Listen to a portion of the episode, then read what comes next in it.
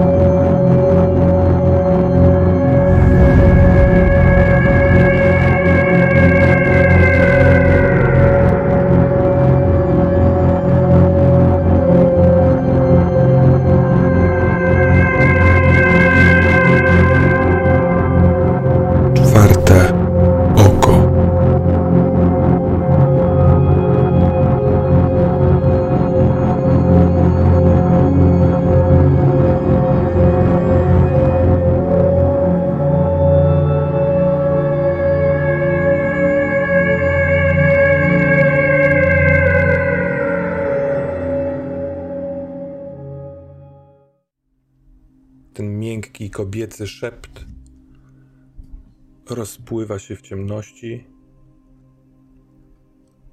Otwierasz oczy we śnie. Co w nim jest?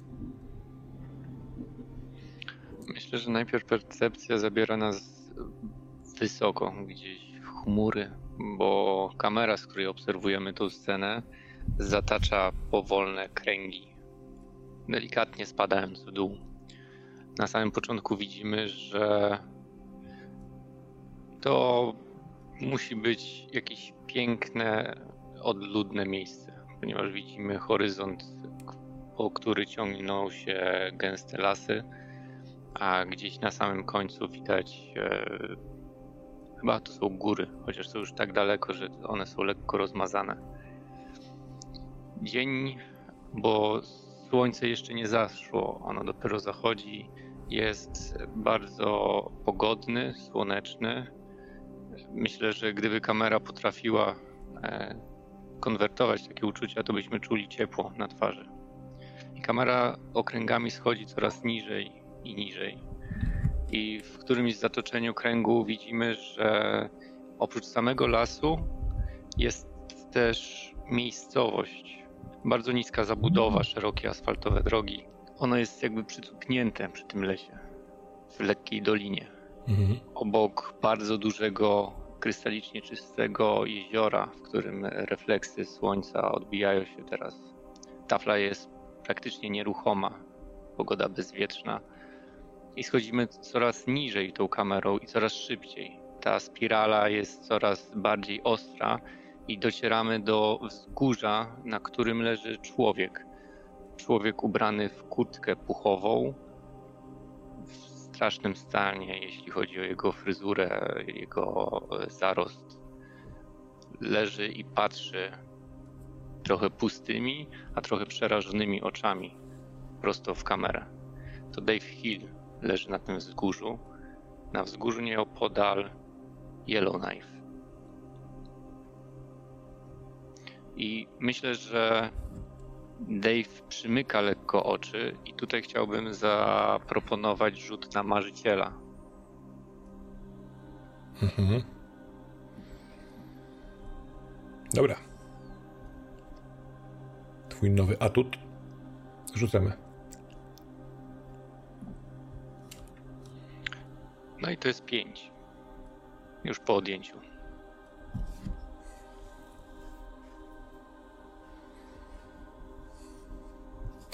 Dobra, a. Mm, bo ten marzyciel y, pozwala. Znaczy, mm, trigger tego atutu jest za każdym razem, gdy chcesz kogoś spotkać lub dowiedzieć się prawdy o czymś. Y, czy możesz to jakoś zdefiniować? Co chcesz tutaj znaleźć? Y, właśnie, czy kogoś, czy miejsce? Czego się dowiedzieć? Ja myślę, że Dave nie znalazł się tu przez przypadek z dwóch powodów.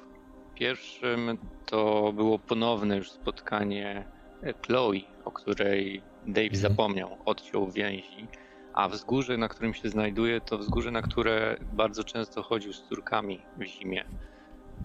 Obserwować zorze, zjeżdżać na sankach. Chloe nie za bardzo się to może podobało, ale dziewczynki były w siódmym niebie. Druga rzecz to pakt z Ishim. Tu gdzieś niedaleko jest złote osiedle i a w nim mężczyzna, którego Dave przyrzekł zabić. I to jest właśnie ten powód, dlaczego e, tutaj chciałbym rzucić marzyciela. Dobra. No ten wynik sprawia, że jesteś uwięziony we śnie. To moje pytanie o cel mm, wynika z tego, że próbując odnaleźć to miejsce, to jak rozumiem złote osiedle, będziemy podróżować.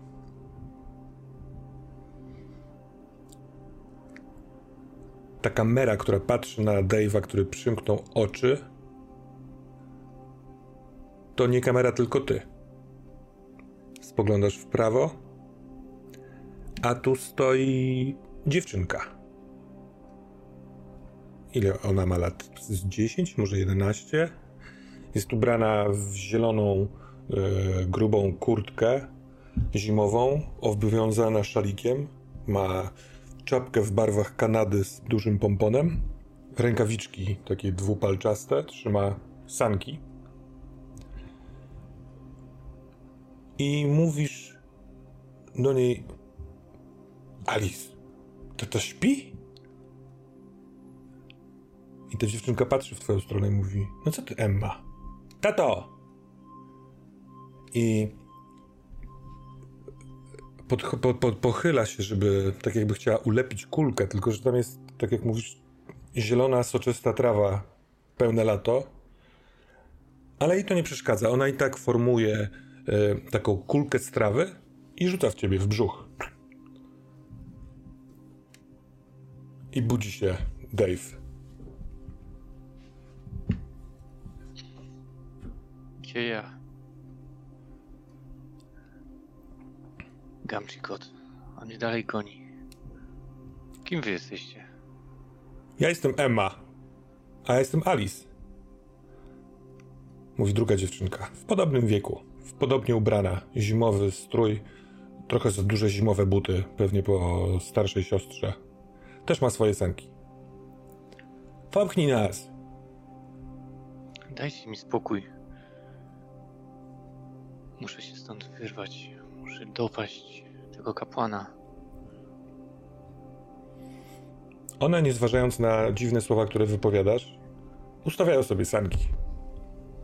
E, to jest rzeczywiście szczyt wzgórza. One ustawiają sobie tak, żeby zjechać. Widzisz, że to jest dla ciebie oczywiste. Jest trawa. Może, wiesz, ma pewną śliskość, ale nie aż taką. Prośba o popchnięcie ma sens. One siadają i wiesz, próbują ruchem bioder popchnąć te sanki, żeby zacząć zjeżdżać ze stromizny. Czy Dave kojarzy ze studni Gamchikota? Bo był moment, kiedy Chloe podniosła do góry. Tak. Tak. W momencie, kiedy sobie to przypominasz, to pamiętasz, że to je Chloe podniosła do tej dziury w murze, żeby ci je pokazać. Czemu wy tu jesteście? Dlaczego wy mnie śledzicie? Wy i, i Chloe. Dajcie mi cholera spokój. I odwracam się i mhm. staram się zejść, może nawet lekkim truchtem zbiec z tego wzgórza. Kierując się, myślę, że instynktownie w stronę tej złotej osady. Ale mhm. chciałbym jeszcze tutaj drugi rzut y, zaproponować na mojego improwizatora, bo czuję niebezpieczeństwo. Czułem przed chwilą nawet nie czułem, tylko widziałem i słyszałem Gamchikota, który mnie ścigał. Mhm. E, także dlatego chciałbym tutaj spróbować improwizować. Dobra. To rzut plus opanowanie. Nie masz już kary, e, którą miałeś za poważną ranę. Możliwe, że ty miałeś w sobie jakąś cudzą krew. Możliwe, że to zadziałało.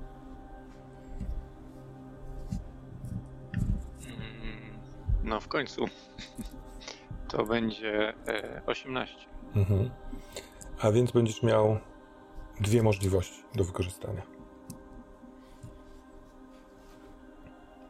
Kiedy schodzisz w dół, kierujesz się w dół w stronę tego złotego osiedla, to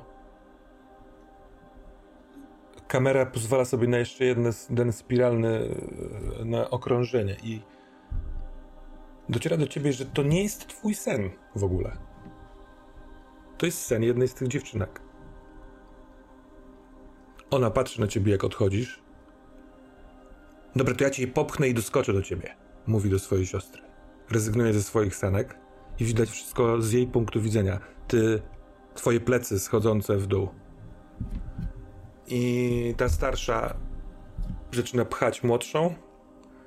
Nabiera to trochę tempa.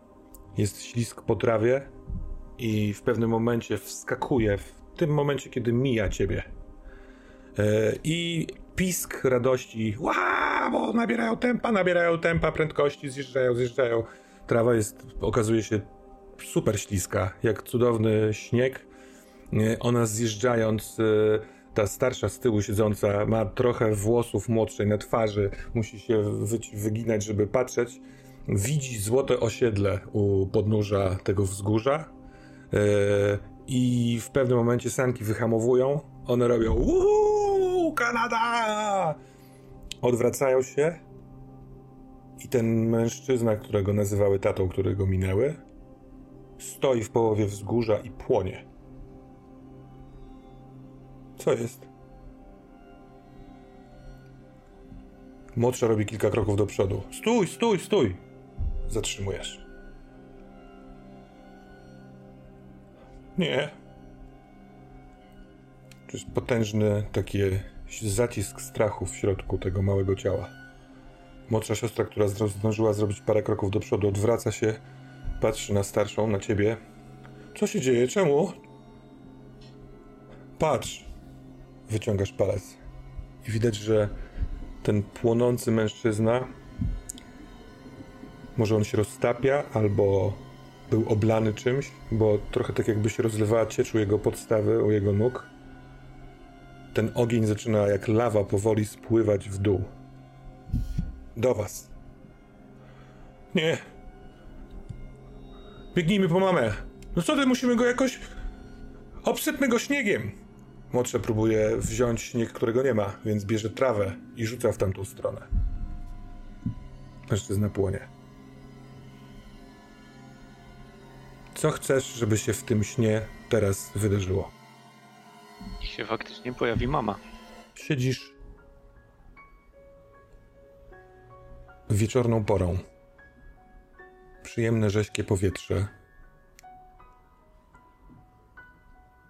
Chyba na gałęzi. Ale wygodnie. Jest poczucie relaksu. Ten delikatny, przyjemny ciężar i zapach to głowa kobiety o blond włosach, która po prostu oparła się o twoje, twój lewy bark. Patrzy gdzieś w górę, więc ty też tam spoglądasz i na nocnym niebie nad puszczą wokół Yellowknife roztacza się przepiękna, kolorowa zorza.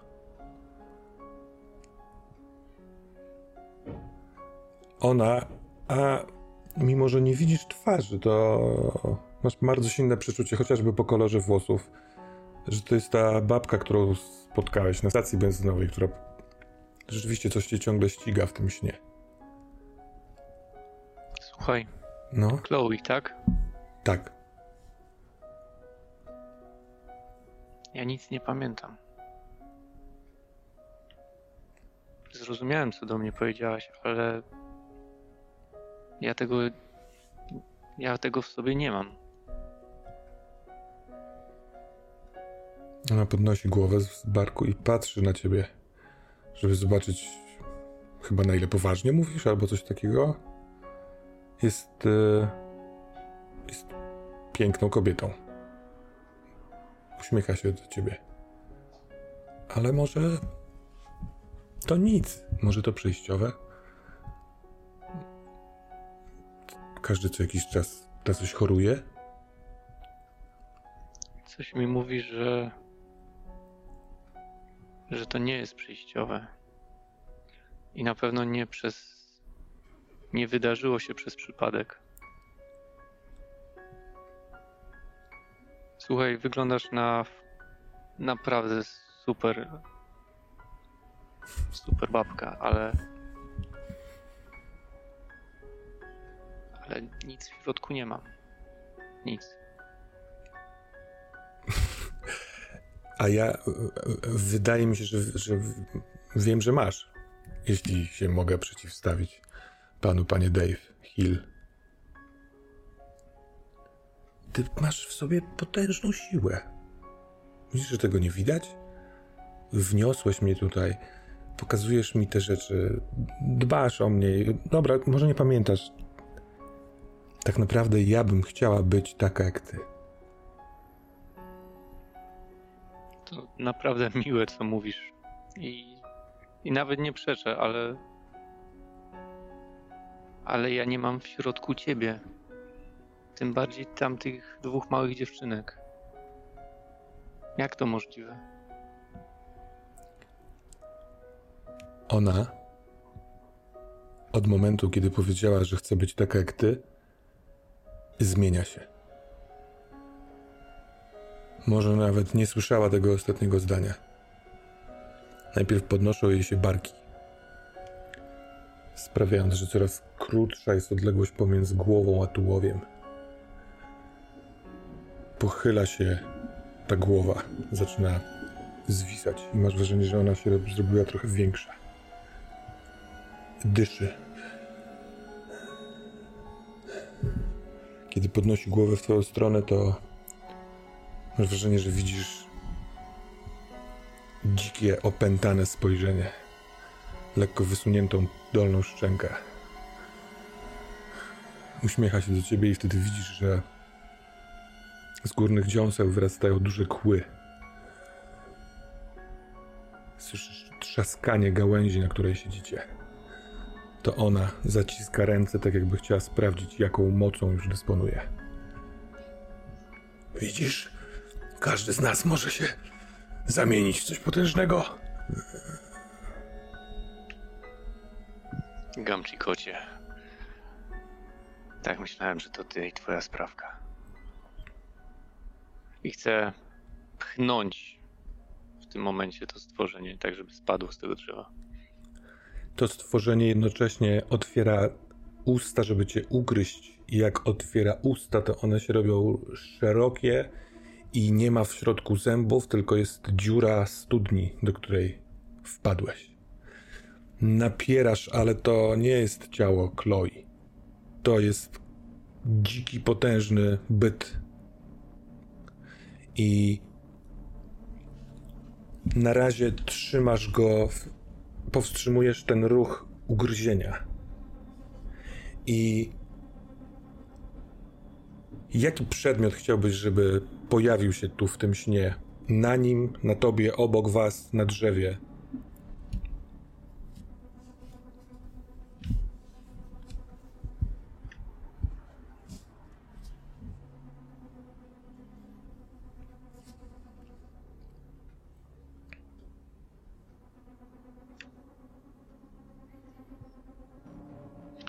Chciałbym, żeby w tym momencie moja włócznia od Tykrona samoistnie się pojawiła i go zaatakowała. Mhm. Czy ona może się pojawić w ten sposób, że jest jednym z elementów kory na pniu, przy którym siedzicie? Tak jakby się pień rozwarstwił, zawinęło się to drzewce, owinęło się wokół, yy, trochę od tyłu, wokół tego dzikiego schwytało go tak, że on poczuł i zaczyna się zaciskać. A on patrząc ci w oczy mówi nic osobistego. I gryziecie w rękę, którą powstrzymywałeś jego ugryzienie. To jest jedyny ruch, który może zrobić, to jest ruch szyi w dół, szybki i nagły i proszę cię, żebyś uniknął obrażeń. Mhm, to jest 11. Kiedy on ma zatopić kły w twojej dłoni, to chcąc go uniknąć, ściągasz trochę rękę w dół, tak żeby nie stracić kontaktu z nim, żeby on nie mógł mimo włóczni dopaść cię w następnym swoim ruchu. I w momencie, kiedy robisz ten ruch w dół, to tak naprawdę przenosisz się. I ten ruch jest początkiem nowego snu. Tym ruchem strzepujesz dłoń, która rozwarstwia się pomiędzy środkowymi palcami. I nie przynosi to żadnego bólu, ale twoja ręka przez przedramię, przez, no najpierw przez dłoń, potem przez przedramię rozwarstwia się i zaczyna się wyciągać. Jesteś w ciemnym, bardzo ciemnym pomieszczeniu, w którym jest sporo dymu. E, jeśli dalej tak będzie, to będzie tutaj duszno. Ale nie tylko prawa ręka Darka zaczyna się rozwarstwiać. Poznajesz po lewej ręce, tak jakbyś, nie wiem, kiedyś na stacji widział, jak on pisał na komputerze, albo masz pełną świadomość, że jesteś Darkiem Kozłowskim, który rozczapierze swoje dłonie, które zaczynają yy, zamieniać w pasy. I te pasy wchodzą w głąb tego ciemnego pomieszczenia, tworząc taką sieć, jakby kokon. I już wiesz o co chodzi. Tym kokonem ochronisz Molly. Molly siedzi w siadzie skrzyżnym tuż pod tobą. E, wokół niej także mm, taka chmura dymu. Bardzo szybko tracąc swe ciało, bo te pasy zaczynają jakby korzystać już z twojej klatki piersiowej, z brzucha, z bioder, e, ale szybciutko tworzą klatkę ochronną wokół Molly. Darek, spoglądasz w prawo i tuż obok niej, może krok odległości, siedzi na ziemi starszy mężczyzna. E, starszy, typu 70 lat może. E, ma jeansową koszulę, ma czapkę z daszkiem, ma e, inuickie rysy twarzy. To jest rdzenny Amerykanin albo coś takiego w tym ciemności, w tej ciemności, w tym dymie nie do końca widać, ale ty też ochoczo rozczapierzasz się coraz bardziej, żeby ochronić też jego. Jest też trzecia postać. To już jest ostatnia trzecia postać. 333. Jest to znacznie młodszy, ale też rdzenny Amerykanin o potężnej posturze. Ma biały t-shirt, dużą klatkę piersiową, czarne włosy związane w kitek i on widząc, on, on spogląda w stronę Moli, nie do końca chyba widzi ciebie, bo ty znikasz, Darek, poświęcasz się tutaj. Wokół tego wielkiego y, człowieka także um, rozkładasz ze swojej tkanki trzeci kokon ochronny. Ten duży mężczyzna to Łałatę, przyjaciel Moli. Gdyby jemu coś się stało, Moli pękłoby serca, a Moli jest przecież najważniejsza. A ten starszy mężczyzna to Nidzinuk, który zarządza całym tym wydarzeniem. I jeśli jemu coś się stanie, to z Moli nie uda się wyciągnąć tego demona. Dlatego stworzyłeś sobie tę niewielką krainę snów, żeby ich z, tym, z tego snu ochronić. Dymu się zrobiło coraz więcej, ale na szczęście masz swoje skrzydła i tymi skrzydłami robisz taki lekki ruch, ale one są olbrzymie i rozwiewają trochę tego dymu wokół ciebie, wokół Moli, wokół Nijinuka i wokół Łałatę. Co chciałbyś, żeby się wydarzyło w tym śnie?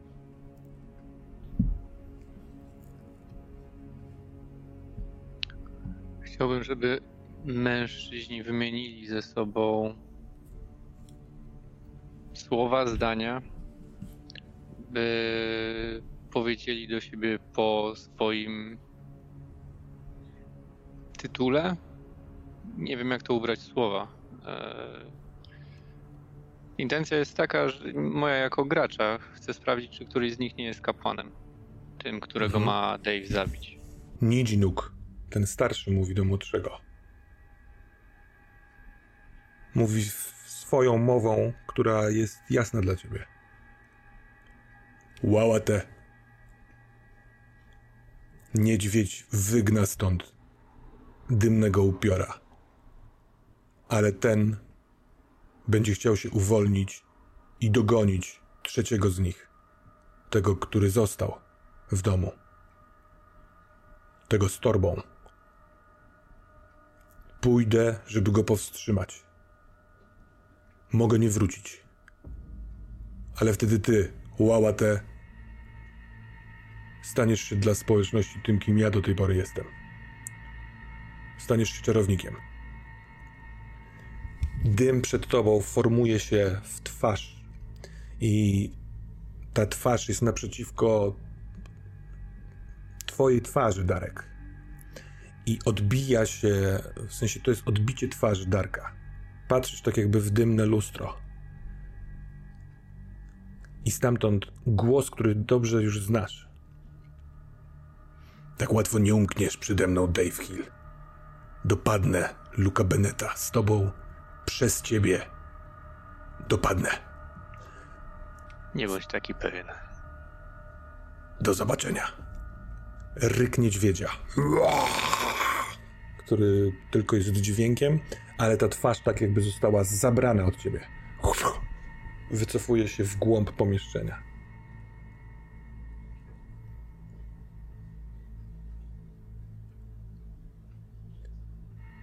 Ten dymny obraz to nie jest dym, tylko tak jak, jak długo już patrzysz w ten pozbawiony ostrości obraz, to te piksele, nie wiem jak to nazwa się nazywa, ale to wszystko w obrazie, te takie nieostre kawałki obrazu e, wydają się być dymem. Na pewno boli ci głowa, kiedy próbujesz przykręcić, odkręcić, przepraszam, śrubkę w telewizorze. To jest duży telewizor, trochę połączenie dziwne, senne połączenie nowoczesnej technologii, bo ma duży ekran płaski, ale ma u podstawy taki stary mechanizm telewizyjny, te telewizora, jakby miał kineskop, od, taka plastikowa klapka jest odsunięta i ty w tym grzebiesz, żeby naprawić ostrość w telewizorze, bo to drzewo, które jest w, jakby jest w obrazie, jest cały czas zupełnie nieostre. Jesteś na stacji meteorologicznej, na, w, tym, tej, w tej sali wspólnej. Co robisz?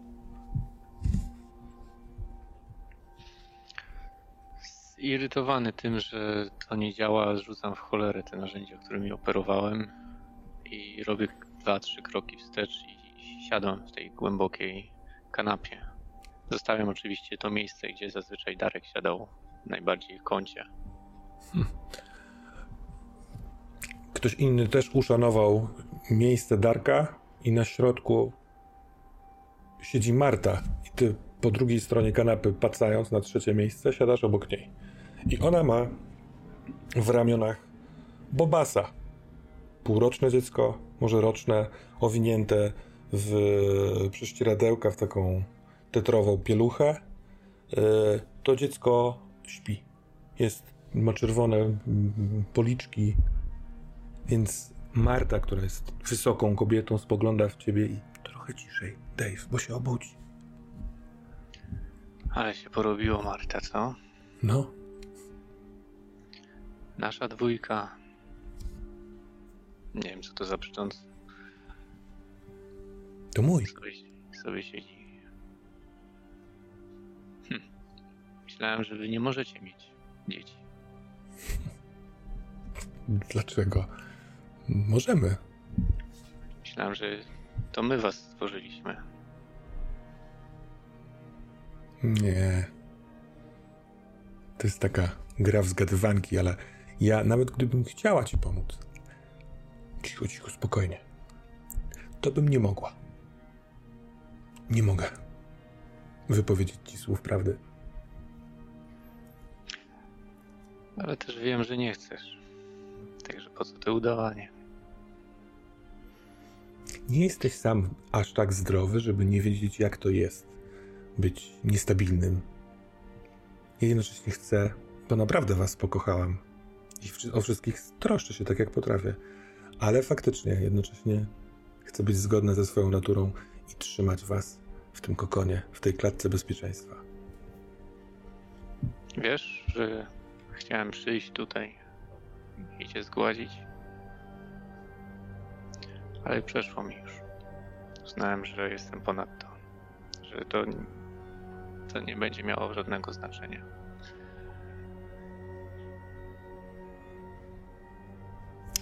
Ale, Cieszę się, że to przeszło. ale tęsknię za tym. Mimo, że wiem, że to było nieprawdziwe, to jednak gdzieś tam cząstka mnie tęskni. W pewien sposób się cieszę. Co prawda niemożliwe jest, żebyśmy wrócili do tego tutaj naszego świata, bo on on już znika w tym kształcie. No ale może znajdziesz gdzieś swój własny spokój. Ale jest na przykład e, taki sposób, taka nawet ćwiczenie, które podobno ma pomagać odegnać te takie, wiesz, symptomy izolacyjnej choroby. No, ale to nieważne teraz. Ale taka zabawa. Chciałem ci zadać pytanie. Kto spośród twoich współpracowników na stacji meteorologicznej jest twoim ulubionym i dlaczego?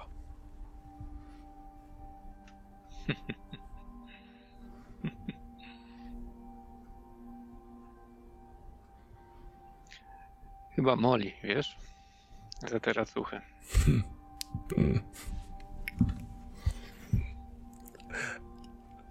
A wiesz, że chyba jestem jedynym świadkiem tego, że kiedyś przypaliła racuchy. Nie. Tak, zagapiła się. Zagapiła się, ona tak powiedziała, ale według mnie to był ten jeden z momentów zapaści. No bo wiesz, ona się leczyła wcześniej. Marta, wiesz co? Mhm. Nie musisz mi odpowiadać, nie musisz mi opowiadać, ale po starej znajomości. Pewien gagatek mnie goni. Prawdopodobnie za chwilę tutaj też mnie znajdzie. Pomóż mi zastawić tutaj na niego małą niespodziankę. Niech go to spowolni. Chodzi ci o Gamci kota? Tak, o niego.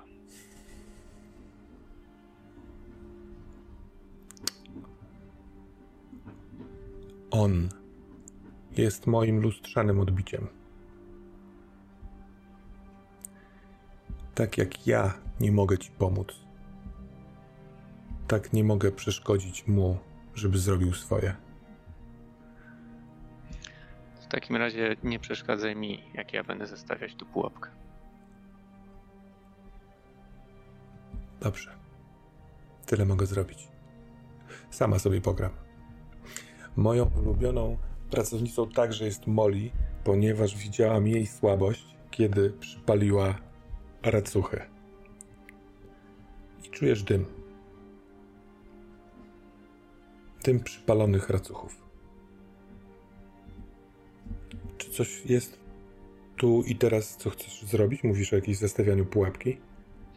Tak, chciałbym wykorzystać jedną z opcji improwizatora. Mhm. Tam jest wprost e, e, zastaw pułapkę, kiedy cię ktoś goni. Albo parafrazuję w tym momencie. Mhm. E, tak, jest zastaw pułapkę, która da ci przewagę zaskoczenia.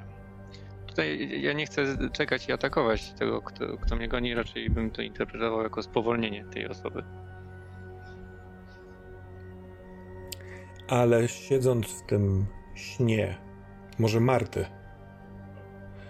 yy, chcesz zastawić pułapkę na Gamci kota. Jak byś się do tego zabrał?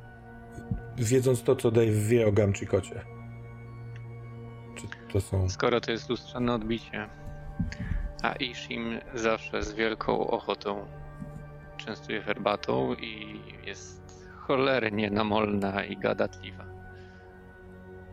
Może niech Gamczikot sobie porozmawia ze starą znajomą Martą. Może to będzie bardzo dziwna i zaskakująca pułapka, ale przygotuje mu tu miejsce na tyle, żeby wsiąkł i był zmuszony porozmawiać z Martą. Chociażby na przykład o jej dziecku, bo to jest dla Dave'a bardzo osobliwe. Czy w takim wypadku idziesz do kuchni, żeby zaparzyć herbatę? Ustawiasz wygodny fotel blisko po drugim stronie tego stolika kawowego w salonie, żeby on miał tam miejsce. I, I wyciągam z lodówki kilka chłodnych racuchów, które na szybko postaram się podgrzeć. Mhm. A czy po prostu chcesz, żeby on tu zmitrężył czas, czy żeby go podtruć czymś? Nie wierzę, że udałoby mi się go podtruć czymś. Po prostu chciałbym dać sobie czas na ucieczkę, na zgubienie go. Więc jest moment, w którym e, jak wyciągnąłeś racuchy, herbata już się parzy w imbryku e, i jak kładłeś te herbat, ten dzbanek i dwie filiżanki, to widziałeś, że Marta cały czas ona trochę odpłynęła w tej swojej zabawie. Chyba wyobraża sobie pracowników, których lubi, za co ich lubi. Ona przez chwilkę nie patrzy na dziecko, ale to dziecko, co prawda, śpi, ale we śnie otworzyło buzię, wypadł smoczek i buzia znowu jest studnią gamczikota. Natomiast ty i tak szedłeś do kuchni po te racuchy, które już się podgrzewają, ale on już tutaj jest, więc trzeba się pośpieszyć. Więc masz w sobie mnóstwo ognia, więc tym ogniem w sekundę uch, podgrzałeś racuchy. Miały być ciepłe, więc są ciepłe. A może nawet nie musisz wchodzić do salonu, żeby one się tam znalazły. Tak, ja po prostu wychodzę ze stacji.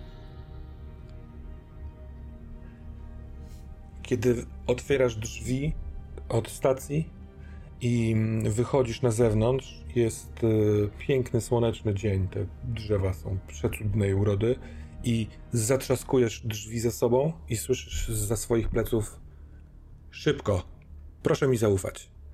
Głos jest yy, kobiety kojarzącej się z taką bizneswoman, taką nieznającą od, odmowy, trochę pyszałkowatą wręcz, nawet chyba bardziej starszą niż młodszą. A ty, Molly, yy, włączasz taksometr, trochę starodawny, odpalasz samochód i ruszasz. Tylko, że nie widać dokąd się jedzie, bo jest wokół samochodu pełno, pełno dymu. Także nie widać drogi. Ale znam tą drogę. Znam każdy wybój na tej drodze. Po prostu omijam każdą dziurę, która za chwilę miałaby zatrząść samochodem. E, widzisz, że koło taksometru wisi taka legitymacja taksówkarza i tam jest zdjęcie uśmiechniętej Molly. Napis Molly Anderson. Głos z tyłu. E, Molly? Dzięki. Świetna jazda. Gdyby się dało trochę szybciej, to może zdążymy, ale dzięki, że nie ma w tobie obaw. Polecam się na przyszłość. Ten dym co jakiś czas się albo rozwiewa, albo ty jadąc tą drogą doskonale rozpoznajesz ją rzeczywiście. Jest e, to droga ze stacji w stronę miasta. Za chwilkę opuścicie tu taką leśną, pełną wybojów drogę i wjedziecie na ulicę, na drogę już taką mm, asfaltową, która prowadzi na zachód do Yellowknife. Dokąd to miało być? Manchester Road 202. To jest taki dom jednorodzinny. Znasz ten adres skądś. No ale Molly, znasz większość adresów. No, to odwiedza pani kogoś? Tak. Pani stąd?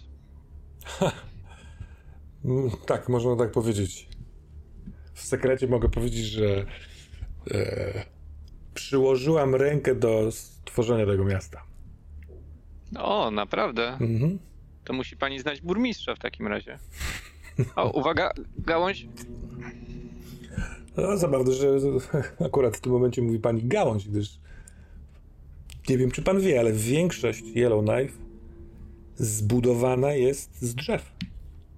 To znaczy z drewna.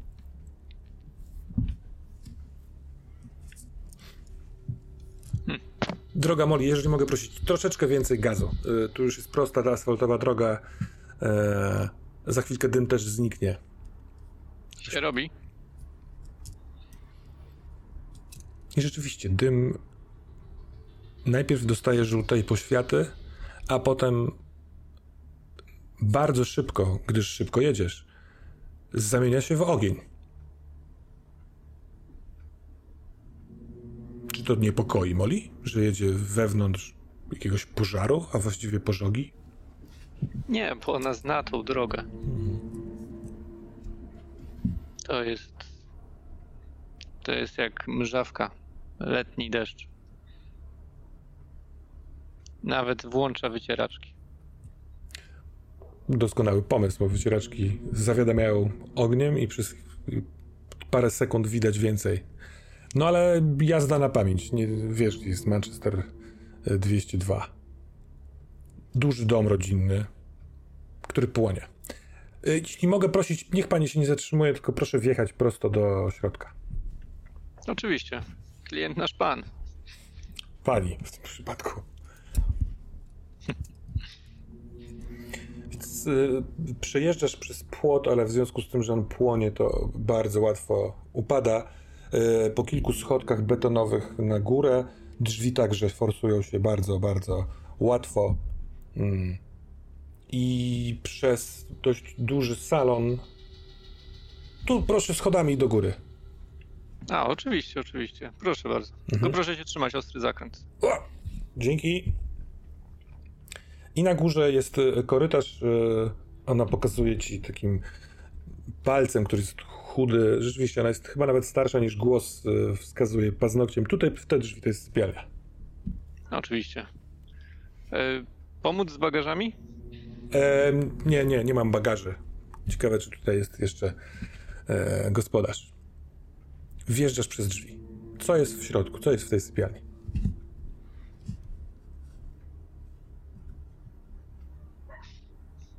To jest wnętrze tipi. Mhm. I na zewnątrz musi być już zmrok. Teraz przy ognisku siedzi mężczyzna. Ten młody, w białej koszulce, który był wcześniej. W którym Łałate. śnie. Łałate. Mhm. Jest zapatrzony w ten płomień, którego języki tańczą i wspinają się w górę a pojedyncza stróżka dymu ucieka gdzieś otworem w, w, w namiocie. I on czuje, że ktoś przybył.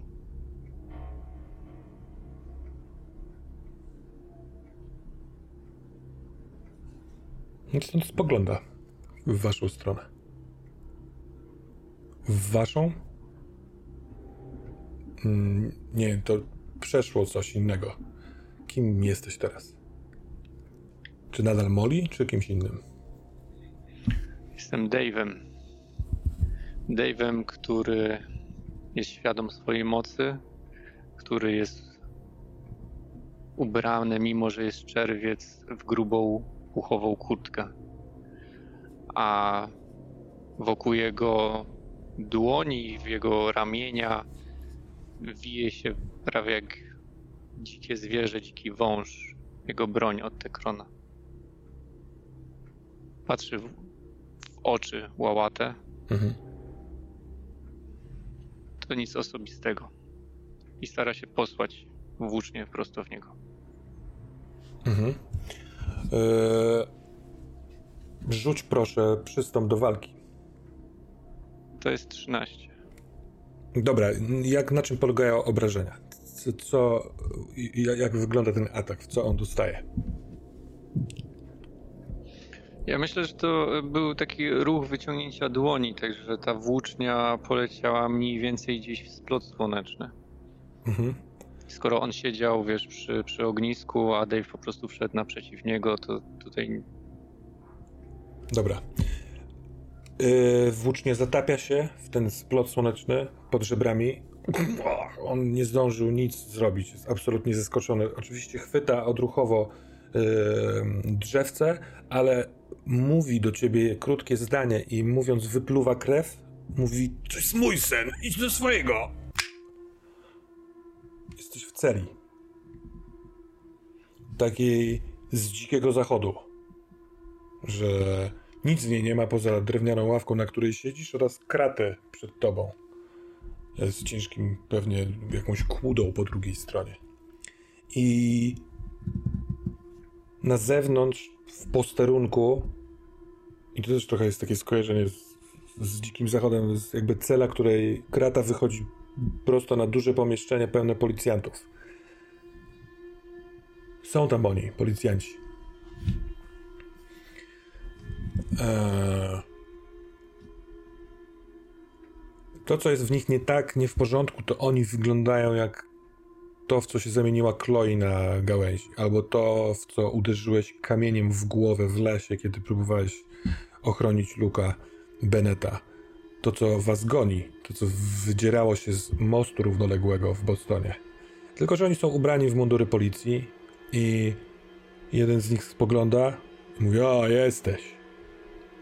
Albo się przyznasz do wszystkiego, albo twoja siostra straci ostrość i ktoś w tym pomieszczeniu wpycha Caroline mm, w, wiesz, w zasięg twojego wzroku. To, to wąskie pomieszczenie sprawiało, że nie widziałeś całości. Któryś z innych z tych policjantów w idealnie synchronizowanej choreografii podsuwa drewniane krzesło i ona wepchnięta siada na to krzesło, na to krzesło takim ruchem jakby coś powodowało jej ramionami, zaciąga je do tyłu, tak jak byłaby zniewolona i siedzi, e, patrzy w mrok wewnątrz celi i w pewnym momencie też rozpozna ciebie. A ten, który powiedział o braku ostrości, kładzie rękę na jej ramieniu i tak jakby trochę zdejmował pas i faktycznie pas lewego ramienia Caroline traci ostrość, a ona reaguje na to a, bo bólem i wykrzywianiem się. Przyznasz się? To mój sen. Wynoś się. I staram się użyć boskiego tutaj na nim. Mm, dobra. E, mam dla ciebie deal. Wybierz, czy chcesz e, rzucić boskiego, a wtedy zostaniesz w tym śnie Albo możesz spróbować rzucić marzyciela. A wtedy możliwe, że stanie się coś innego. Opuścisz to miejsce.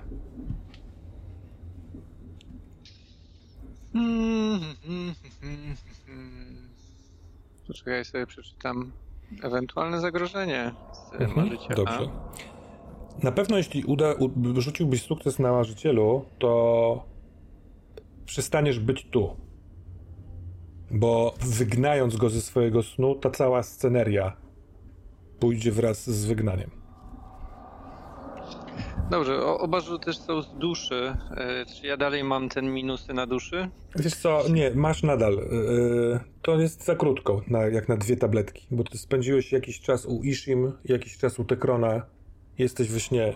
Chyba do końca tego snu to będzie trwało. Mm, Dobrze, czyli ro, Robal nie usunął ze mnie też e, tej toksyny? E, usunął na tyle, że nie masz zawirowania, nie masz minus jeden od tego, e, że ona cię osłabia, ale dusza jeszcze cierpi. Dobra. Rzućmy na... W takim razie rzucę na marzyciela. Blisko zera, jedynka. On patrzy na ten twój gest, yy, tak jakbyś chciał swipe left cały sen. E, uśmiecha się pokazując kły i chwyta trochę większy kawałek Caroline i zdziera tak jakby ostrość z niej. Jej ból jest potężny. To na razie jest bark, obojczyk. Co się stanie, jak będzie głowa albo od strony serca. I ten krzyk e, Caroline, on jest tak głośny, tak gwałtownie wpada w twoje uszy, masz przekonanie, że jest to prawda jakiegoś rodzaju. Może oni dorwali się do siedziby Ishim, co wydaje się dziwne. Może i tak mogą mieć jakiś wpływ na nią, a może to Ishim jest za tym snem? Chciałbym spytać, co robisz, siedząc w tej celi. Mam pomysł mechaniczny, nie wiem, czy to, co mam e, w głowie, jeśli chodzi o ubranie tego w fikcji, nie jest zbyt naiwne, ale chciałbym wykorzystać moją drugą możliwość z improwizatora, a jest tam punkt wymyśl przekonujące kłamstwo. A w fikcji chciałbym to ubrać w ten sposób. Słuchaj, gagatku. Mam prawo do jednego telefonu. Zostaw moją siostrę. Zadzwonię, a potem pogadamy. Dobra. O, jeden, jeden z tych pozostałych policjantów bierze z biurka i wrzuca w twoją stronę komórkę. Łapiesz ją. I wystukuję numer do Caroline.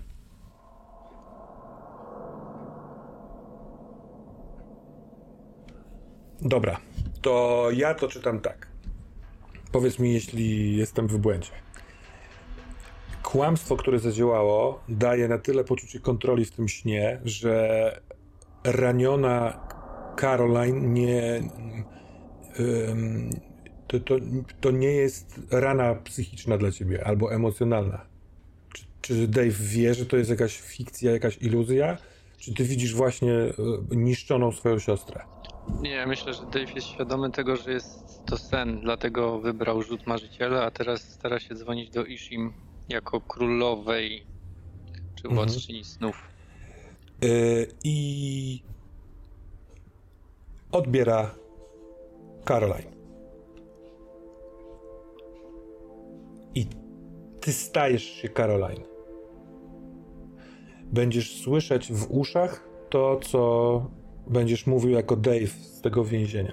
Caroline siedzi przy tym stoliku z herbatą i trzyma filiżankę herbaty na jednej ręce, a drugą teraz, wiesz, trzyma telefon komórkowy. Halo, Dave? To ty? Słuchaj, Karol, Mhm. smaczna herbata? No, jak zwykle. Nie wiem, czy to jest dobry moment, ale chyba nigdy nie będzie dobrego momentu. jest bardzo- jest kilka spraw, o którym chciałbym z tobą pogadać. No. To wszystko, co było w Elysium, to nieprawda. Nie wiem, co ci Ishim już powiedziała. A może czego nie powiedziała, to jest chyba ważniejsze, ale ona też nie do końca jest po naszej stronie. Nie możesz nikomu ufać. A twój brat, twój braciszek zdobędzie niedługo wystarczająco mocy, by naszą dwójkę uwolnić i wyzwolić z tego więzienia. Okej. Trochę nie, nie jestem pewna, czy dobrze rozumiem. Ta Ishim, ona mi o niczym nie mówi. Po prostu zaprosiła mnie na herbatę, więc sobie siedzę, pijemy, gadamy. Ona głównie fajna jest, bo słucha. A o czym gadacie? Hmm. Tak po prawdzie, to głównie ja gadam. Pyta się o pracę, pyta się jak żyje, e, pyta się o, na, o nas, jak, jak, jak, jak, co porabialiśmy jako dzieciaki, gdzie mieszkaliśmy. Hmm.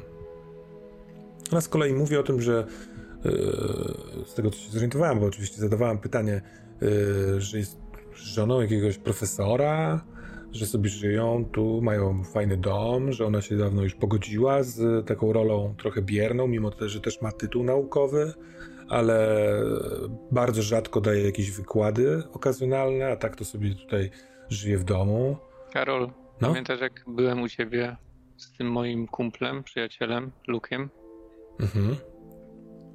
Pamiętasz, że wtedy ci powiedziałem, że nie chcę cię wciągnąć w to bagno? Myliłem się. Ja cię muszę wciągnąć w to bagno, żeby cię potem z niego wyciągnąć. Dlatego posłuchaj mnie. Okej, Nie jesteś w tym momencie na herbatce u ciotki Ishim, no. tylko jesteś zakładnikiem. Jesteś kartą przetargową, żebym wykonywał to, co ona mi powie. Okej, to chcę, żebyś rzucił na wpływ na innych. E, Ty masz relację z nią i wartość tej relacji dodaj do tego rzutu. To w takim razie wskakuję już na ten najwyższy. ona, a przypominam, że ty jesteś jakby w tym śnie, to jest jej sen. Wskoczyłeś do tego snu i siedzisz w jej ciele. W taki trochę nierealistyczny sposób bardzo, bardzo szybko wierzy w to, co mówisz. Naprawdę? To, to ona, ona, to wszystko to jest słodzenie? Nawijanie mi makaronu na uszy? To co, co mam? Co ja mam zrobić? Nic. Pij dalej herbatę i poczekaj, aż tam będę. Chciałem, żebyś była świadoma, żebyś wiedziała, że ten świat, w którym żyjesz, tam gdzie jesteś pielęgniarką, gdzie ja jestem twoim bratem, aha, aha. to nie jest prawda. To co, co jest prawdą? Tego się próbuję dowiedzieć. Wiem, znam okruszki, strzępy prawdy. Wiem, że byliśmy kiedyś my, jako ludzie, potężni. Ci wszyscy, Ishim yy, i masa innych istot, one były niewolnikami, niskimi istotami, które się nas bały, ale w jakiś sposób nas uwięziły. Jeszcze nie wiem w jaki, nie wiem dlaczego, ale wiem, że możemy się urwać z tego. Oboje. Ty i ja. Dobra. Czyli dopóki ty czegoś nie zrobisz, ja mam udawać, że mam robić to, co do tej pory, tak? Nie wystawiaj się na zagrożenie. Po prostu martwię się o ciebie. No dobra. Karol. On, ona idzie. Nie kombinuj niczego. Znam cię. Karol spogląda w stronę schodów i słyszy kroki. Widocznie poszła dokądś na górę Ishim, a teraz wraca. I Karol patrzy w stronę e, tego, tych schodów i mówi: Chyba będę się rozłączać. Czy mam udawać, że rozmawiam z kimś innym? Ona wie, że będę dzwonić. Nie I przejmuj się. Kiedy ona to mówi, to patrząc na te schody, ty dostrzegasz jej oczyma, że na ścianie, która jest jednocześnie jakby tym wejściem do kuchni, tam by wisiało mnóstwo obrazów, yy, na które kiedyś spoglądałeś, także lustro. Na tej ścianie wisi jakby to był obraz, ramię mężczyzny. Od barku do dłoni. Zawieszone na takim trochę jak u rzeźnika haku. Ono jest, e, nie jest równo ucięte, ta rana nie jest zagojona. Ten kikut jest taki, jakby ktoś przed chwilką to ramię wyrwał. I Caroline absolutnie nie reaguje na to. A Ishim, której widać już na schodach nogi, mówi w stronę Karol. Czy to jest Dave? Daj mi go do telefonu. I ona szybko schodzi ze schodów w twoją w stronę, tak, w twoją stronę, w stronę Karolin, Caroline. Co byś ty chciał zrobić, Dave? Po pierwsze chciałbym jako ja, Dave, e, spostrzec, czy ta ręka należy do Luka. Czy na przykład marynarka, to jest ta marynarka, którą miał na sobie. Dobra, to nie ma żadnej odzieży, bo ono jest nagie, ale kurwa, w tym dziwnym widoku dociera do ciebie po chwili, że to ramię jest za duże. To jest ramię większego faceta. I w tym momencie, kiedy Ishim już podchodzi bliżej, Caroline jest taka trochę zastygnięta, to coś cię z Caroline wyciąga. Więc nie widzisz tego, co widzi Caroline? I widzisz coś bardzo osobliwego, bo dostrzegłeś jakiś czas temu, że z przodu glista ma coś w stylu ba, a z tyłu coś w stylu ogona zakończonego gwintowaną końcówką, więc teraz glista unosząca się w powietrzu, którą jesteś, z wnętrza akwarium wystawia ten przód. I jej perspektywa to taki hmm, bulaj, okrągłe małe okienko, jak w statku. I w tej małej perspektywie widzi świat w dosyć jaskrawych kolorach, więc pomieszczenie Tekrona jest dosyć jaskrawe. Ona glista, ty spogląda w prawo, w stronę tych wiszących na zawiasach drzwi, a w tym momencie Tekron szybkim krokiem przechodzi w drugą stronę, więc on tylko mignął. Natomiast Glista nie chciała na niego spojrzeć, tylko spogląda do tego drugiego pomieszczenia i widzi nogi Dave'a Hilla leżącego na podłodze. I w powietrzu nad tym ciałem leżącym, tak jakby za, wchodzi w obraz z zaframugi drzwi niebieska kropelka. I druga niebieska kropelka. I trzecia. I te trzy niebieskie kropelki dryfują w powietrzu powolutku w stronę akwarium. Tekron przeszedł znowu, teraz jest blisko akwarium. Przez to, że ty glista jesteś nakierowany na tą prawą stronę, tak jakby czekając, aż przyjmiesz do siebie moc, którą ta glista wysysa z y, Dave'a. W, tym, w tej małej perspektywie nie do końca wie, co robi Tekron, ale Tekron coś robi przy akwarium. Akwarium zaczyna się trząść. On stuka tymi swoimi palcami, szczypcami po obudowie, coś odkręca.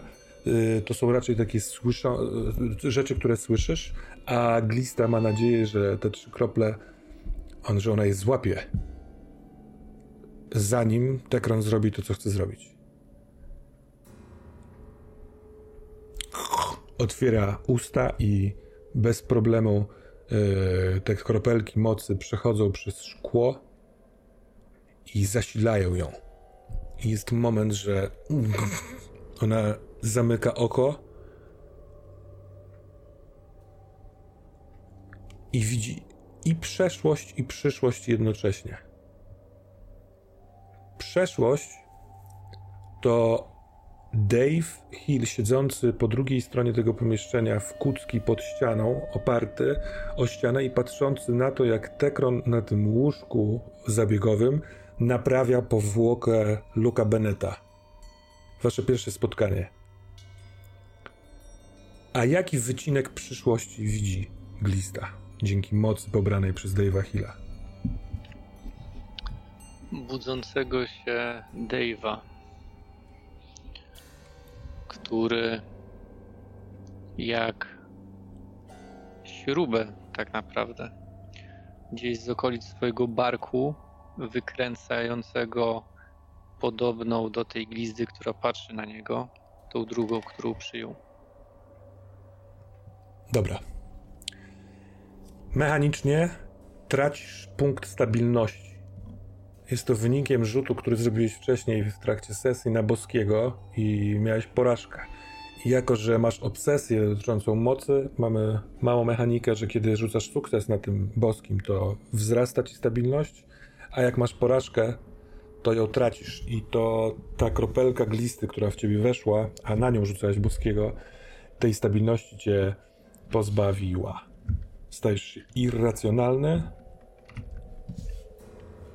ale przyszłość, którą zobaczyła Glista dzięki mocy, jest prawdziwa. Dave Hill na, ja, na jawie już wyciąga z ciała przez porę chłodną kropelkę żółtawej posoki, która to robiła. I część Dave'a jeszcze śpi, a część już się wybudza, jest na tej jawie.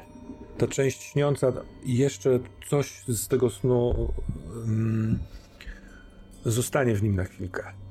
Ale ty chciałbym, żebyś określił, w jakim miejscu budzi się Dave. Czy w tym pomieszczeniu w, mie w mieście maszyn, tam gdzie zasnął? Czy gdzieś indziej? Czy tam, gdzie chciał się dostać, czyli na Złotym Osiedlu? Myślę, że budzi się w tym tipi.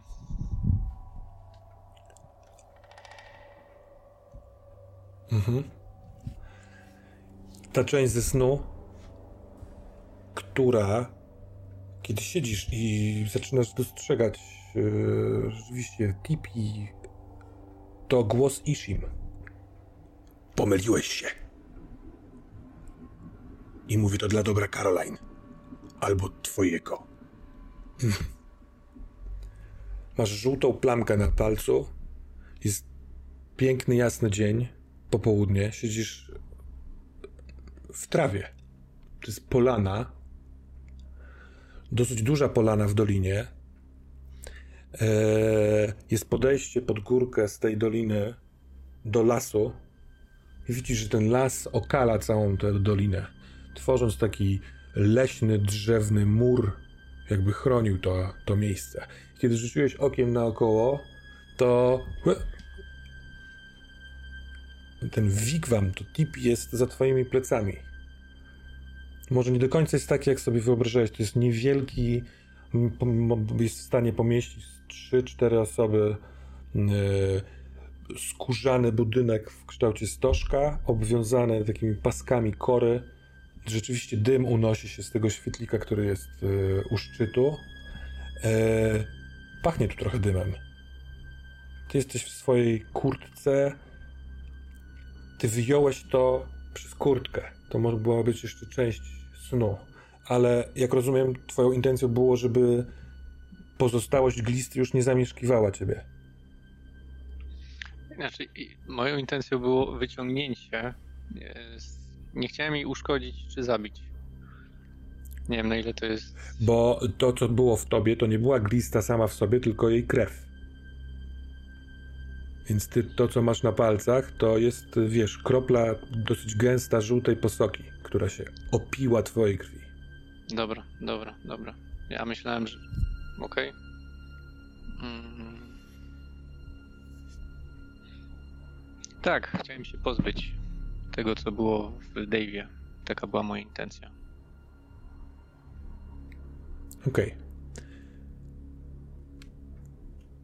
Przez. To, ten dźwięk od razu towarzyszył temu, temu przebudzeniu się. Ale dopiero teraz, po chwili, po tych kilku sekundach rozejrzenia się, słyszysz, że przed tobą, pod górkę, w lesie, niedaleko, e, jest dużo trzepotu skrzydeł. I. Mm, nie tyle pojękiwania, co takie mm, stuknięcia, stuknięcia drewnem o drewno. Nie do końca jak dzięcioł, chyba że trochę lżej niż dzięcioł, ale drewno uderza o drewno, yy, trzepot wielu skrzydeł i to cichnie w momencie, kiedy właściwie kilka sekund po tym, jak usłyszałeś i namierzyłeś kierunek. Co robisz?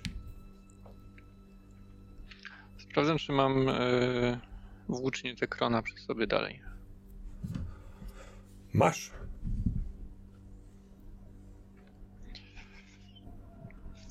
Takim razie, słysząc szept Ishim, że się pomyliłem, hmm, czyli stary jednak przeżył. No cóż. Chcę zajrzeć najpierw do e, namiotu.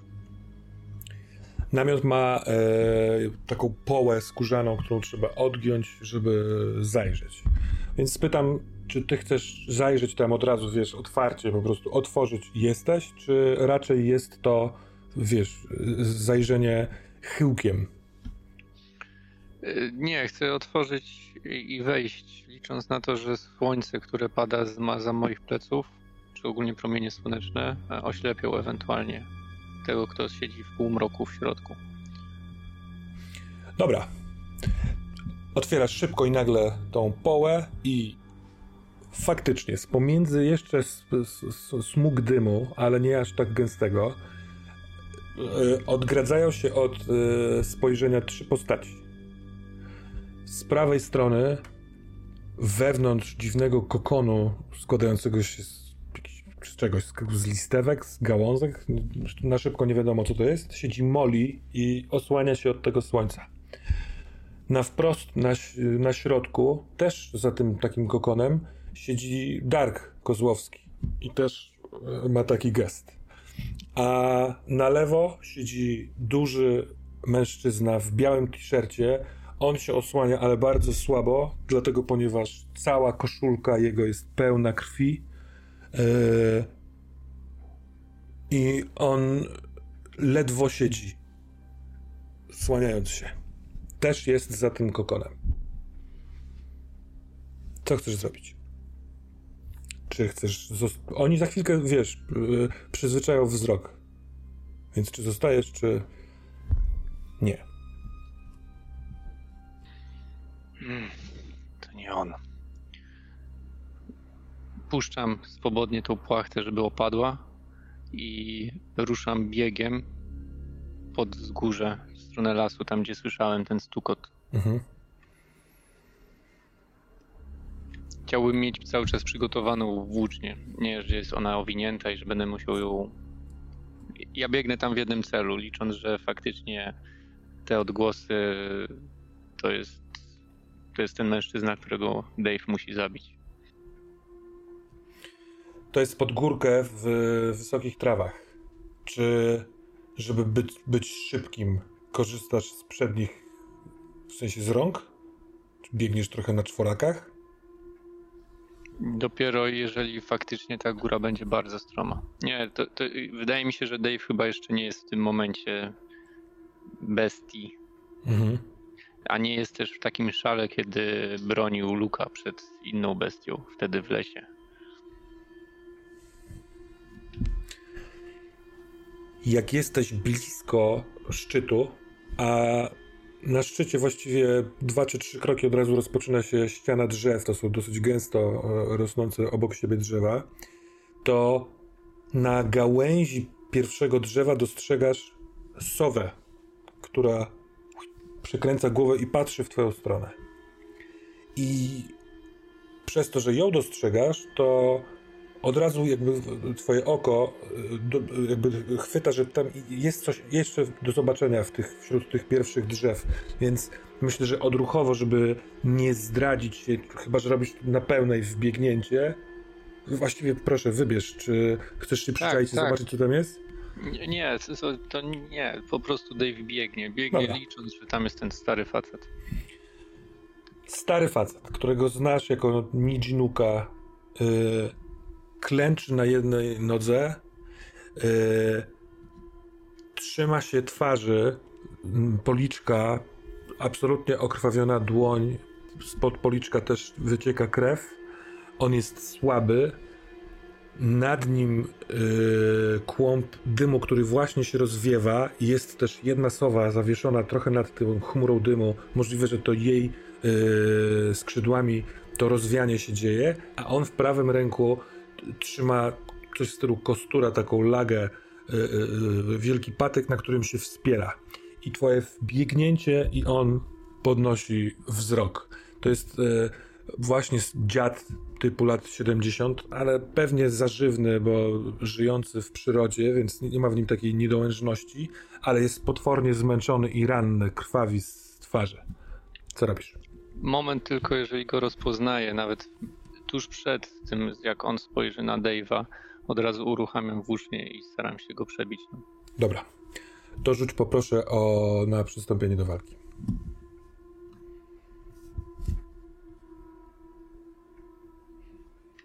Środkowy przedział.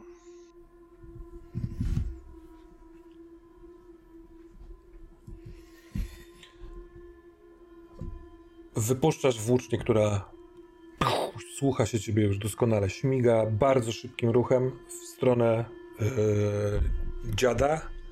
On wykonuje delikatny ruch prawą ręką i ten swój kostur próbuje wstawić na drodze twojej włóczni. I włócznia przebija się przez ten, yy, przez ten jego kij, uderza w starca w klatkę piersiową, ale w tym momencie ten kostur zaczyna rosnąć, rozrastać się nie tyle w wysokość, co w grubość. Tworzy się nagle z tego pień i to jest małe drzewo, które więzi twoją włócznię. Końcówka włóczni jest wbita w tego człowieka, który e, odpadłby, ale przez to, że drzewo zacisnęło swój pień wokół tego, tego drzewca twojej broni, to jest w sensie kończy się zasięg, więc on zawisa w powietrzu, odpada mu od twarzy ta ręka okrwawiona i klęcząc teraz na obu kolanach, trochę zwisa na tej włóczni, patrząc przestraszonymi oczyma na ciebie. Sowa, jeszcze tylko sowa, która biła skrzydłami w ten dym, leci w twoją stronę, słyszysz też trzepot za siebie, możliwe, że ta druga sowa, którą minąłeś. A ty przekręcasz manetkę. Tak. Twoja broń jeszcze reaguje. W nim wewnątrz otwierają się ostrza i zaczynają go masakrować. On krzyczy do ciebie, ale to, to, nie jest już krzyk, to jest bardzo słaby, bełkotliwy przez krew, którą ma w ustach yy, yy, głos. Widzę w, te, widzę w tobie mrok. Widzę go. Ale w tym momencie oba, obie sowy atakują yy, cię z góry. Jedna próbuje dziobem dostać się do twojej twarzy, druga od tyłu głowy. Więc bardzo cię proszę o uniknięcie obrażeń. Środkowy przedział. Sowa dziobie cię w policzek. Rzuć proszę na zniesienie obrażeń. Y, wartość tych obrażeń to jeden, więc dodajesz odporność, odejmujesz jeden. Środkowy przedział.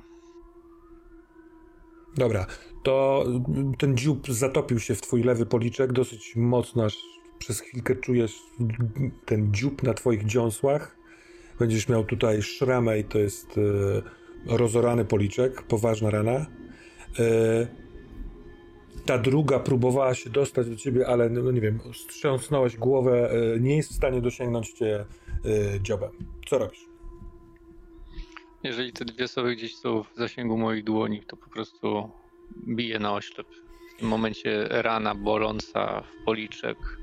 Chyba tą właśnie słowę, która mnie zraniła i wyciągająca właśnie dziób z mojego policzka, to ją chcę chwycić i przetrącić jej kark. Dobra, a czy y, robisz to oboma rękoma, wypuszczając włócznię, która i tak już ma otwartą tę y, tą manetkę wykańczającą starca, czy trzymasz cały czas włócznię? Nie, w jakiś dziwny sposób, ale cały czas ją trzymam. Nie wiem, czy może Dave chyba się już z nią zrósł. Nie o fizycznie mhm, oczywiście, mhm, tak, ale... Tak, tak, Jest cenniejsza niż... Y, dobra, to poproszę cię o przystąpienie do walki. Mam minus za tą ranę, tak, prawda? Tak, tak, minus jeden. To w takim razie środkowy przedział.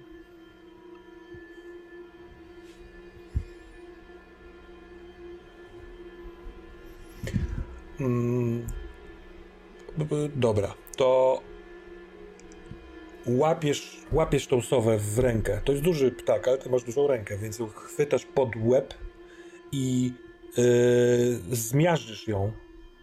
Skręcisz jej kark, ale ta druga w takiej sytuacji ma yy, atak od tyłu w głowę, więc unikaj obrażeń. E, czy to już nie będzie dla niej bezpośrednio po prostu Wiesz, auta. Dobrze. I od razu znoszę obrażenia? Tak, masz to? rację, przez to, że masz komplikacje.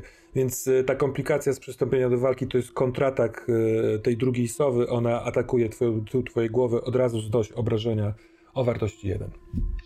E, środkowy przedział. I to jest druga poważna rana. E, roz, wiesz, wbija się ten, no oczywiście nie przebija czaszki, ale po prostu robi ci wielką szramę z tyłu głowy.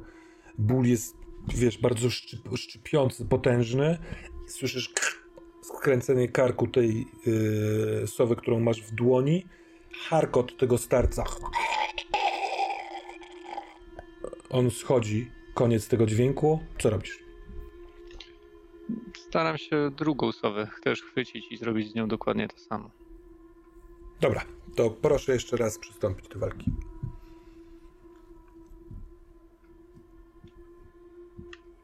Najwyższy. Mhm. Nie ma żadnych komplikacji, w związku z czym. Jak to wygląda? Ja myślę, że to utrzymając przed sobą, puszczam, wiedząc, że no, ona, ona już zdechła i ta, która zaatakowała pazurami, ona cały czas jakby kłębi się, wisi nad głową Dave'a. I on ją po prostu tylko chwyta i dokładnie robi to samo, czyli zaciska pięść i puszcza.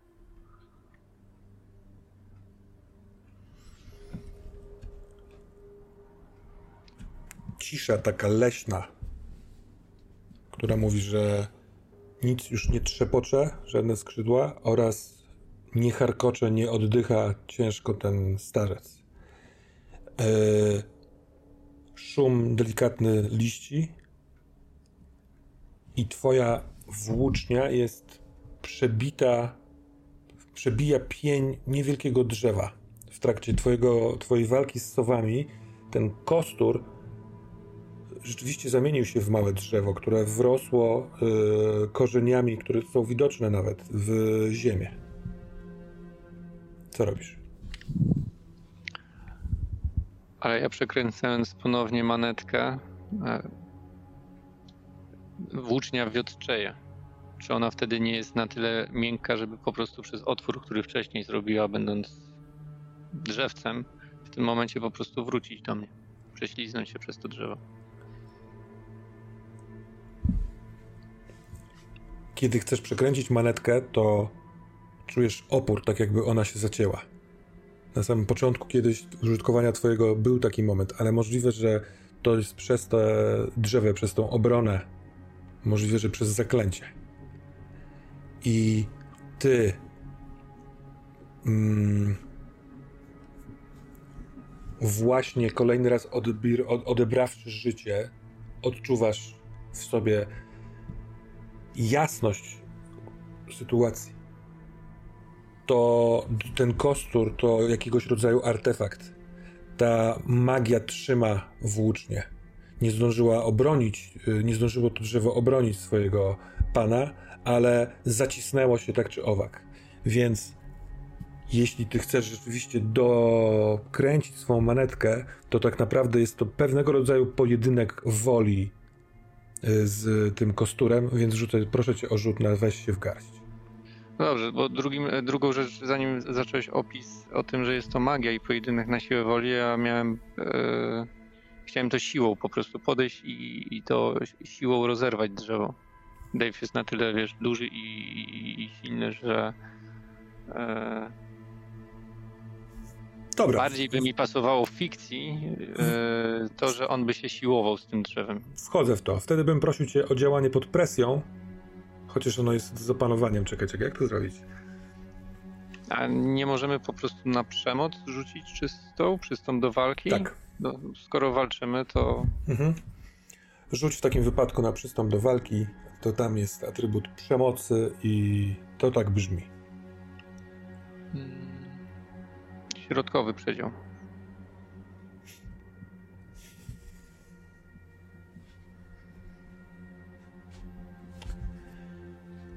To jak to chwytasz w ręce, to to jest y, młode drzewo. To nie ma w tym suchości. Nie jest łamliwe. Czując to przy pierwszym kontakcie, y, jesteś zawzięty, żeby to rozszarpać. Możliwe, że w miejscu, w którym włócznia się wbija, tam jest mię- mięk, bardziej miękka, miękkie drewno, więc wbijasz w to palce. Te, to drzewo walczy, próbuje się zacisnąć, ale ty to rozorasz i rozpękniesz. Ale kiedy to się dzieje, las wokół hmm, wzmaga się szum tego lasu. Masz przekonanie, że moc nie tylko jest w tobie, nie tylko w tym kawałku drewna, tylko w tych wszystkich drzewach wokół, które właśnie patrzą, jak ich człowiek, ich przyjaciel, ktoś, kogo znają, wykrwawia się. I ten, powiedzmy, kontratak z twojej akcji to magia, która była w tym człowieku, wypluta z niego, z jego ciała martwego przez moc, która jest w drzewach. I E, Zaklęcie, którym on dysponował, e, o którym wspomniał, funkcjonuje jako dostrzeżenie i zdefiniowanie mroków kimś, kogo patrzy. Więc wybierzmy razem to. Mój pierwszy pomysł to jest to, że on widzi, że ty straciłeś, jakby poprosiłeś o wyrwanie pamięci dotyczącej Chloe, Emmy i Alice. I on, to zaklęcie może ci przywrócić pamięć o nich. To może być związane z jakimś innym atutem albo komplikacją. Może być też mechanicznym odebraniem ci czegoś, co jest dla ciebie najcenniejsze, czyli mocy, ale wtedy jakby w postaci stabilności. Nie chciałbym wchodzić w temat yy, Chloe, Mhm. bo, bo nie chciałbym, żeby historia tutaj koło zataczała. Dobra. Żebyśmy znowu na nowo przebudzali Dave'a, który przypomina sobie o tragedii. To już było w, w poprzednim, poprzednich sesjach. Niech on to odkryje sobie powoli e, jako komplikacja, którą ma w tym momencie, czyli kobieta, która go nawiedza. Dobra. To jest, wydaje mi się, ciekawsze dla historii będzie. E, to. Ja bym powiedział w ten sposób, że on ciemność widzi w pakcie, który zawarłem z Ishim. I co powiesz na to, żeby o tym się dowiedział Łałatę i o tym w jakiś sposób na przykład Moli i Darek, bo to będzie fajne y, punkty dla nich, żeby ze mną bo rozumiesz, tak? wczoraj jak graliśmy, y, y, ja mogłem sobie spokojnie kłamać y, Luka. Ja nie wiem, czy on wie, nie wie, sprawdzał mnie, nie sprawdzał, nie? Ale jako Dave szedłem sobie po prostu czysto w kłamstwo, czy tam półprawdę, rozmawiając z nim. A tutaj oni na stówę by mieli broń do takiej dyskusji. Dobrze, to ja mam mały kontrpomysł zainspirowany tym, co ty powiedziałeś, że ta magia rozrywa twój pakt z Ishim. Co sprawia, że nie ma więcej zależności pomiędzy wami, ale Caroline jest u niej. Pomyślałem o tym, ale myślałem, że to będzie zbyt z mojej strony. Y, nie wiem, czy to nie ułatwienie jest dla Dave'a, wiesz? No, e, pakt ma to, takie coś wpisane w sobie, że y, można go zerwać, jeśli skorzysta się z sojusznika albo z potężnej magii. Magia tutaj, nie tylko w tym człowieku, ale wokół, jest dosyć potężna. I wszedłbym w to dlatego, ponieważ cena jest dosyć mocna, bo niezwiązana z tobą paktem Ishim ma po prostu twoją siostrę. Cena jest wysoka. Dobra, to mi się podoba, bo to może być fabularnie bardzo ciekawe e, do, do grania. Mhm. Moc, która łączy poniekąd ten szum lasu, las, możliwe, że duchy tych dwóch martwych ptaków, ale przede wszystkim duch, ducha albo magii, która jest w tym ciele, ciele oblepiać ciebie. Kiedy ty walczysz z tym drzewem, żeby oswobodzić swoją włócznię, poniekąd jesteś zajęty, nie możesz się, wiesz, obronić przed tym, strzepnąć tej magii. Kiedy pęka konar tego drzewa i ty za chwilkę wydobędziesz włócznie, to na chwilkę tracisz dech, tak mocno zaciska się ten las wokół ciebie. O! I słyszysz w tym bezdechu głos Ishim, szept Ishim. Głupcze. Pakt zerwany i pęknięcie kości. Masz wrażenie, że twojego kręgosłupa, że ta magia zadusiła ciebie i ty tak jak, tak jak ty strąciłeś karki tych dwóch słów, tak teraz las się zemścił, ale po chwili wiesz, że nie. Las odpuścił, a to, co słyszałeś, to pęknięcie, to pęknięty kostur Nijinuka.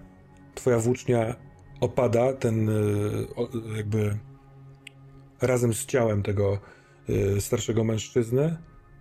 Masz odczucie pustki i w tej pustce rozlega się odległy krzyk. Malkus! Pomóż mi, jeśli mnie słyszysz! Roznosi się echem i przy którejś fali tego echa masz wrażenie, że jest to głos Luka Beneta. Kierunek tego krzyku to 13 w głąb lasu, trochę na, wiesz, trochę w bok. Za sobą masz powrót do tego wigwamu, a tutaj masz zwłoki starca, dwóch słów, zerwany pakt. Masz teraz pewność. Więc Caroline w sidłach Ishim. Wydaje mi się, że w tym momencie Dave uwolniony z paktu faktycznie tak jakby gęsta ciecz, coś z niego uszło i on widząc tego starca mówił to do Łałatę, do niego nie zdążył tego powiedzieć, ale to naprawdę nie było nic osobistego. I on chciałby wykopać chociażby płytki grób i go tam pochować. Dobra. To na tym kończymy. To się rozliczmy jeszcze. Okidoki. Panie Dave Hill, czegoż o prawdzie się dowiedziałeś yy, z dzisiejszej sesji? o prawdzie, o prawdzie. Hmm, co by tu wybrać fajnego? Co najbardziej Dave'a uderzyło?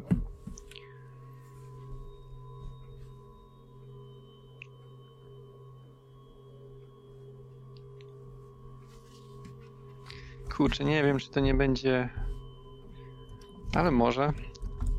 W porządku, niech, niech pójdzie w tę stronę, że Dave uważa, że pakty wpływają na czyny i osąd ludzi.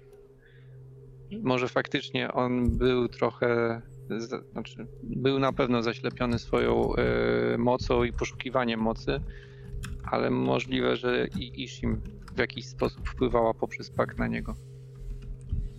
Aha. To może brzmieć jak usprawiedliwianie swoich czynów. Tak, tak. I to, to jest bardzo to, fajna rzecz, którą tak możemy brzmi. sprawdzić, czy to będzie prawdą, czy też nie. Tak, Bo chciałbym to, to, sprawdzić. Super. To jest bardzo Bo wcześniej, fajne. ja wcześniej jako gracz na pewno w tą stronę nie szedłem, ale ta ostatnia scena może tak być u Dave'a w głowie w tym momencie. Dobra, to czego dowiedziałeś się o sobie, o swojej postaci. A właściwie Dave o sobie. Że nie wiem, czy słowo wybaczył. To jest już. Nie, to jest za mocne słowo, ale przynajmniej jest w stanie zrozumieć Martę. Hmm. Do tej pory był zaślepiony gniewem, złością. Tamta scena na stacji pokazała, że jednak on chyba już zrozumiał, przynajmniej na jakimś podstawowym poziomie tej istoty. Mhm, kumam. Dobra, super. Fajną drogę zatoczył ten e, mściciel. Tak, myślę, że tutaj właśnie zamyka się ta droga mściciela. Mhm. Dobra. A jakiego rodzaju podejmowałeś wyzwania? Zmierzenie się z czarnoksiężnikiem. Myślę, że cała ta droga i dążenie do. E, a poczekaj, bo faktycznie, bo to jeszcze poprzednia sesja była. To nie, myślę, że bardziej chyba wyzwaniem było dla Dave'a przyjęcie z siebie tej cieczy od robaka. Tam mhm. była bardzo duża niepewność, co to może spowodować. E, był trochę podstawiony, może nie, nie był postawiony pod ścianą, bo tam nie zagrażało mu życie, ale chciał wypróbować kolejne źródło mocy ewentualne. Dlatego tam był też ten rzut na boskiego. Myślę, że to w tą stronę. Dobra, super. To na razie masz trzy punkty i zajmijmy się yy... zalążkami. Na początek ten z paktu zabić czarownika ze Złotego Osiedla, to się stało. To co prawda nie daje ci punktu doświadczenia, ale dopełniłeś tego zanim Ishim mogła cię ukarać. Yy, czy zebrałeś drużynę, próbując łączyć kwestie umowy z Kresteriach i z Ishim? E, rozmowa z Lukiem była poniekąd drogą do zebrania drużyny. Tam padły takie słowa mam nadzieję, a, a tak. przynajmniej ch chciałem, żeby padły. E, przynajmniej wybrzmiało to, że faktycznie chcę, żeby zebrać na nowo nas. Ale ja chciałbym tutaj zagrać trochę mocniej, bo po pierwsze rozłączyłeś się z Lukiem poprzez informacje, które e, e, doszły, ale no, nie udało się później tego jakby tej, tej rozmowy, tego połączenia odnowić oraz e, kiedy mogłeś spotkać z Molly i z Darkiem, odszedłeś. Więc wydaje mi się, że mimo wszystko inne sprawy zajęły, zajęły cię mocniej niż yy, to. To też jest ciekawe, bo to jest ten ciężar paktu. W porządku, spoko. Ale jeśli chodzi o wyzwolenie Caroline, mhm. to się będę upierać, że poczyniłem kroki w tę stronę. Tak, tutaj też jestem za tym. Tak to graliśmy, ten twój e, sukces na ruchu wpłynie na innych. Ja też tym ten sposób grałem, ona jest gotowa współpracować w kwestii uwolnienia. Yy, więc tak. Więc za to punkt doświadczenia.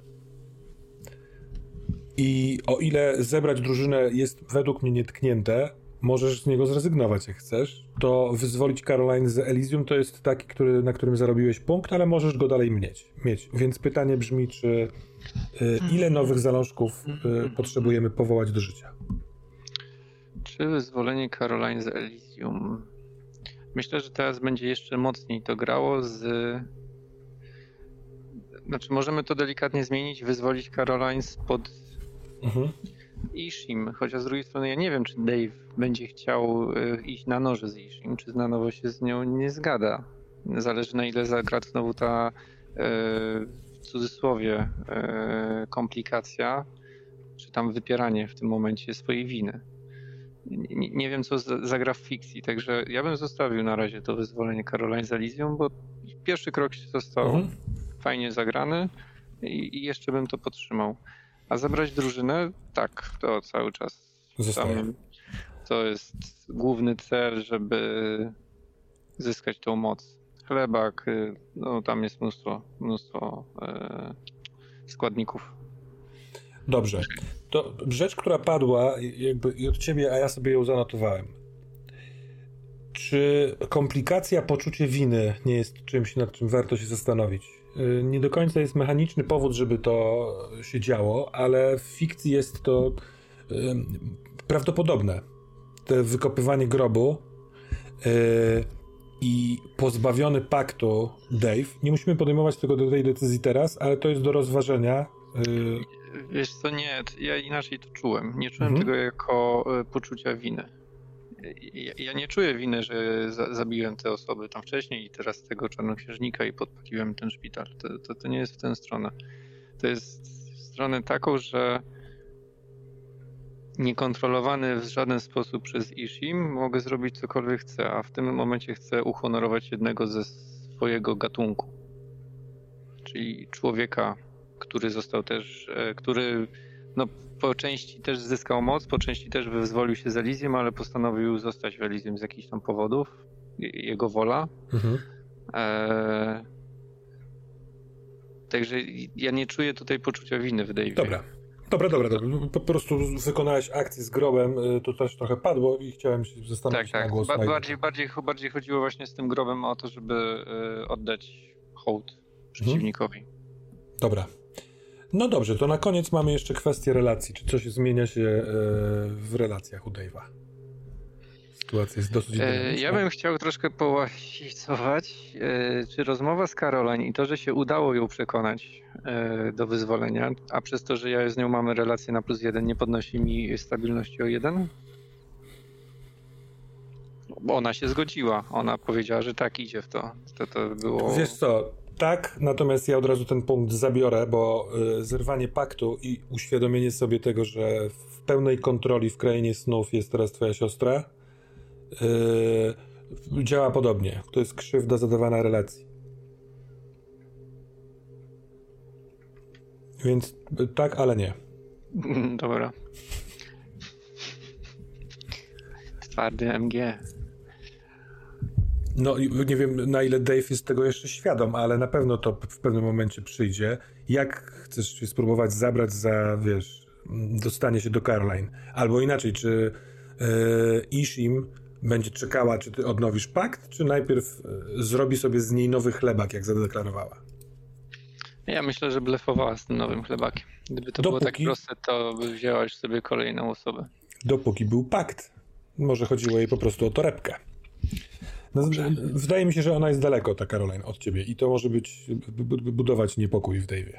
Tak, tak, tak, tak, tak. No ogólnie plan ma, jak, hmm? jak wyciągnąć Ishim, ale to e, taki długofalowy plan, bo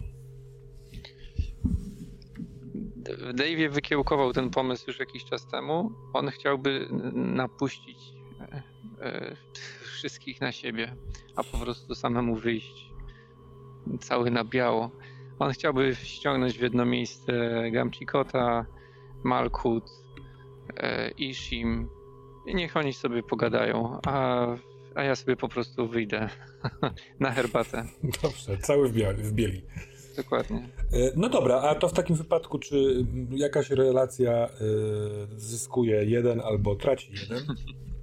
Nie, tak przekornie pomyślałem przez chwilę Ishin podbić na jedynkę relację z nią. ale tam jest chyba w książkowo za, zapisane, że to jest wtedy chyba przyjaciel, czy, czy bliska rodzina, coś tak, taka tak, relacja tak. już jest, jest już bliskość.